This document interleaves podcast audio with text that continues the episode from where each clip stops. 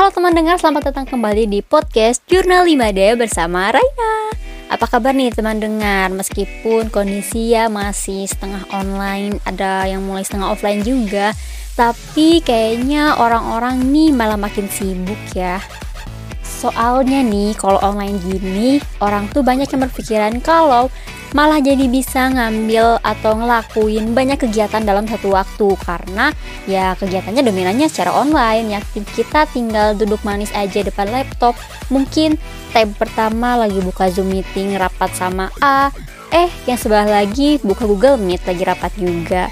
Ya udah nggak aneh sih ya kalau di masa sekarang ini. Kalau teman dengar kesibukannya apa sih sekarang Nah, kesibukan di masa pandemi ini bukan cuma dialami oleh kalangan mahasiswa loh, bahkan anak sekolah juga ngalamin hal yang sama. Kayak bilang tamu aku hari ini ada Raisa. Halo Raisa. Hai.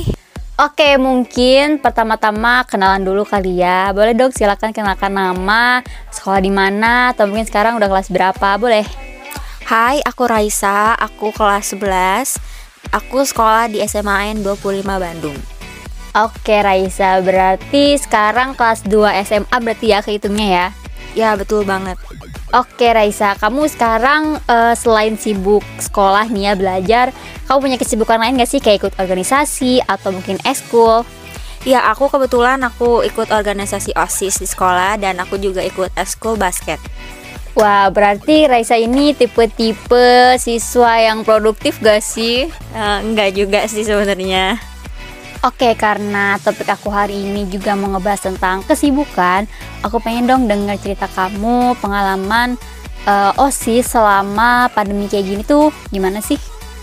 Yang pasti beda banget sama kegiatan-kegiatan OSIS yang offline ya dan kebetulan juga minggu ini ada acara juga di OSIS nih Arabasa itu acara peringatan Hari Pahlawan. Hmm. Jadi sistemnya pun berbeda seperti tahun-tahun sebelumnya karena tahun ini sistem lombanya itu daring ya. Jadi kalau misalnya pengumpulan itu melalui Google Form dan sebagainya. Jadi uh, siswanya tuanya pun atau pesertanya pun harus ikut aktif di Instagram dan sosial media lainnya gitu, untuk tidak ketinggalan info-info tentang perlombaan.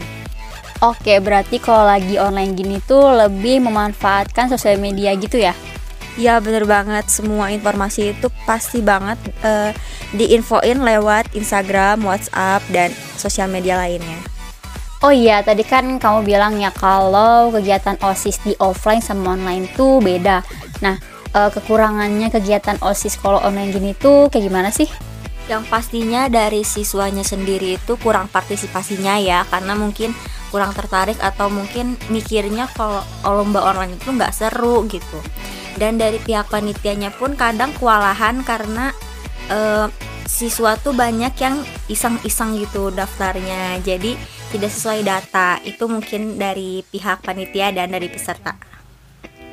Oke, mungkin kalau dari kekurangannya kayak gitu ya, tapi pasti ada lah ya e, kelebihan atau malah yang bagian enaknya gitu kalau lagi online gini. Kira-kira gimana nih? Kalau lagi online ada enaknya nggak sih?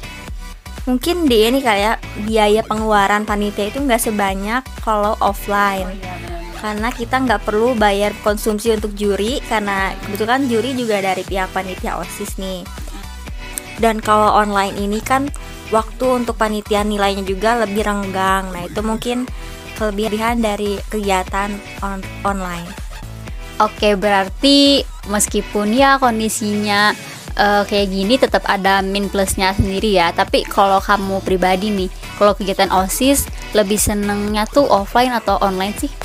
Kalau aku pribadi sih lebih suka offline ya kak, soalnya feelnya tuh lebih dapat gitu. Kayak setiap kegiatan acara tuh kayak feelnya beda-beda. Hari pahlawan, uh, atau Maulid Nabi. Sedangkan kan kalau online gini tuh kayak sama-sama aja hmm, gitu. kita di, ya. iya di layar di layar kaca terus gitu. Nah itu mungkin bedanya.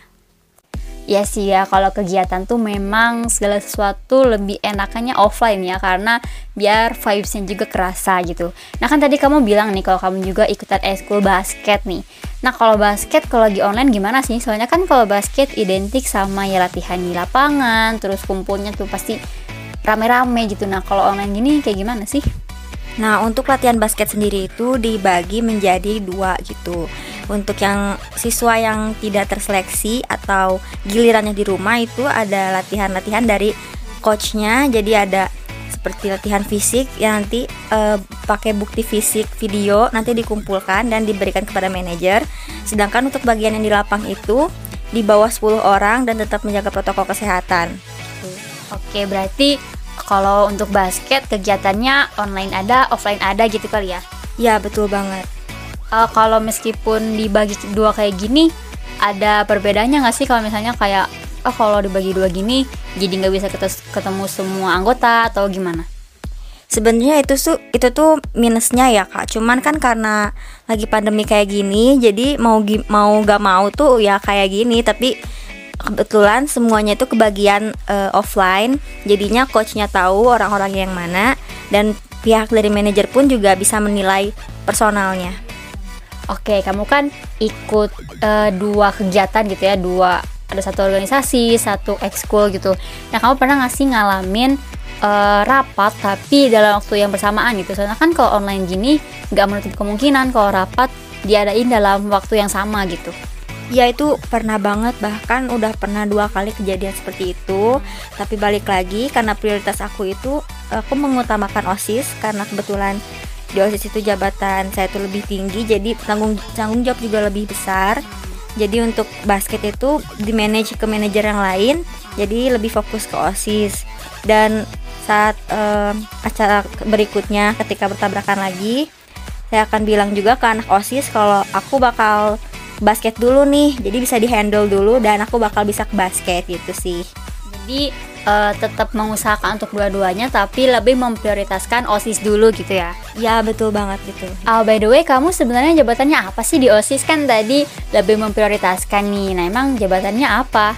Jabatan aku di OSIS itu kebetulan jadi sekretaris satu. Wih, keren nih.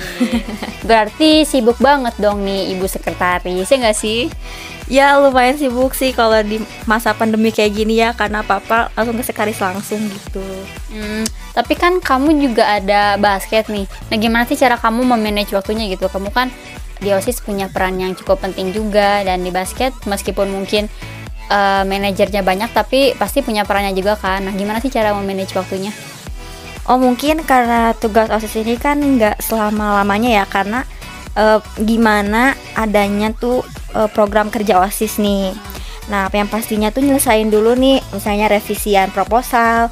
Setelah itu uh, baru ke basket karena kebetulan kalau kayak gini tuh nggak terlalu bentrok banget sih kak jadwalnya juga jadi lumayan bisa sih kalau kayak gini nggak nggak nggak ngerugiin basket dan nggak ngerugiin osis juga hmm, jadi nggak berat sebelah tetap jalan dua-duanya dan uh, ya tanggung jawabnya tetap ada gitu ya ya betul banget banget oke mungkin ini pertanyaan penutup ya.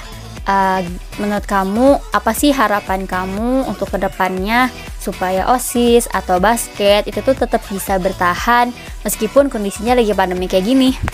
Untuk osis sih aku uh, berharap banget untuk pihak guru dan siswa-siswanya itu bisa bekerja sama dengan baik dalam mengisi acara osis supaya itu bisa berkembang dan maju. Untuk basket sendiri uh, semangat juga buat anak-anak basket kali ya karena kan basket itu identik sama lapangan sedangkan sekarang tuh nggak bisa 100% di lapang jadi supaya tetap semangat dan sehat-sehat terus Oke, makasih banyak Raisa udah hadir ya di iya, podcast iya, aku. Sama-sama.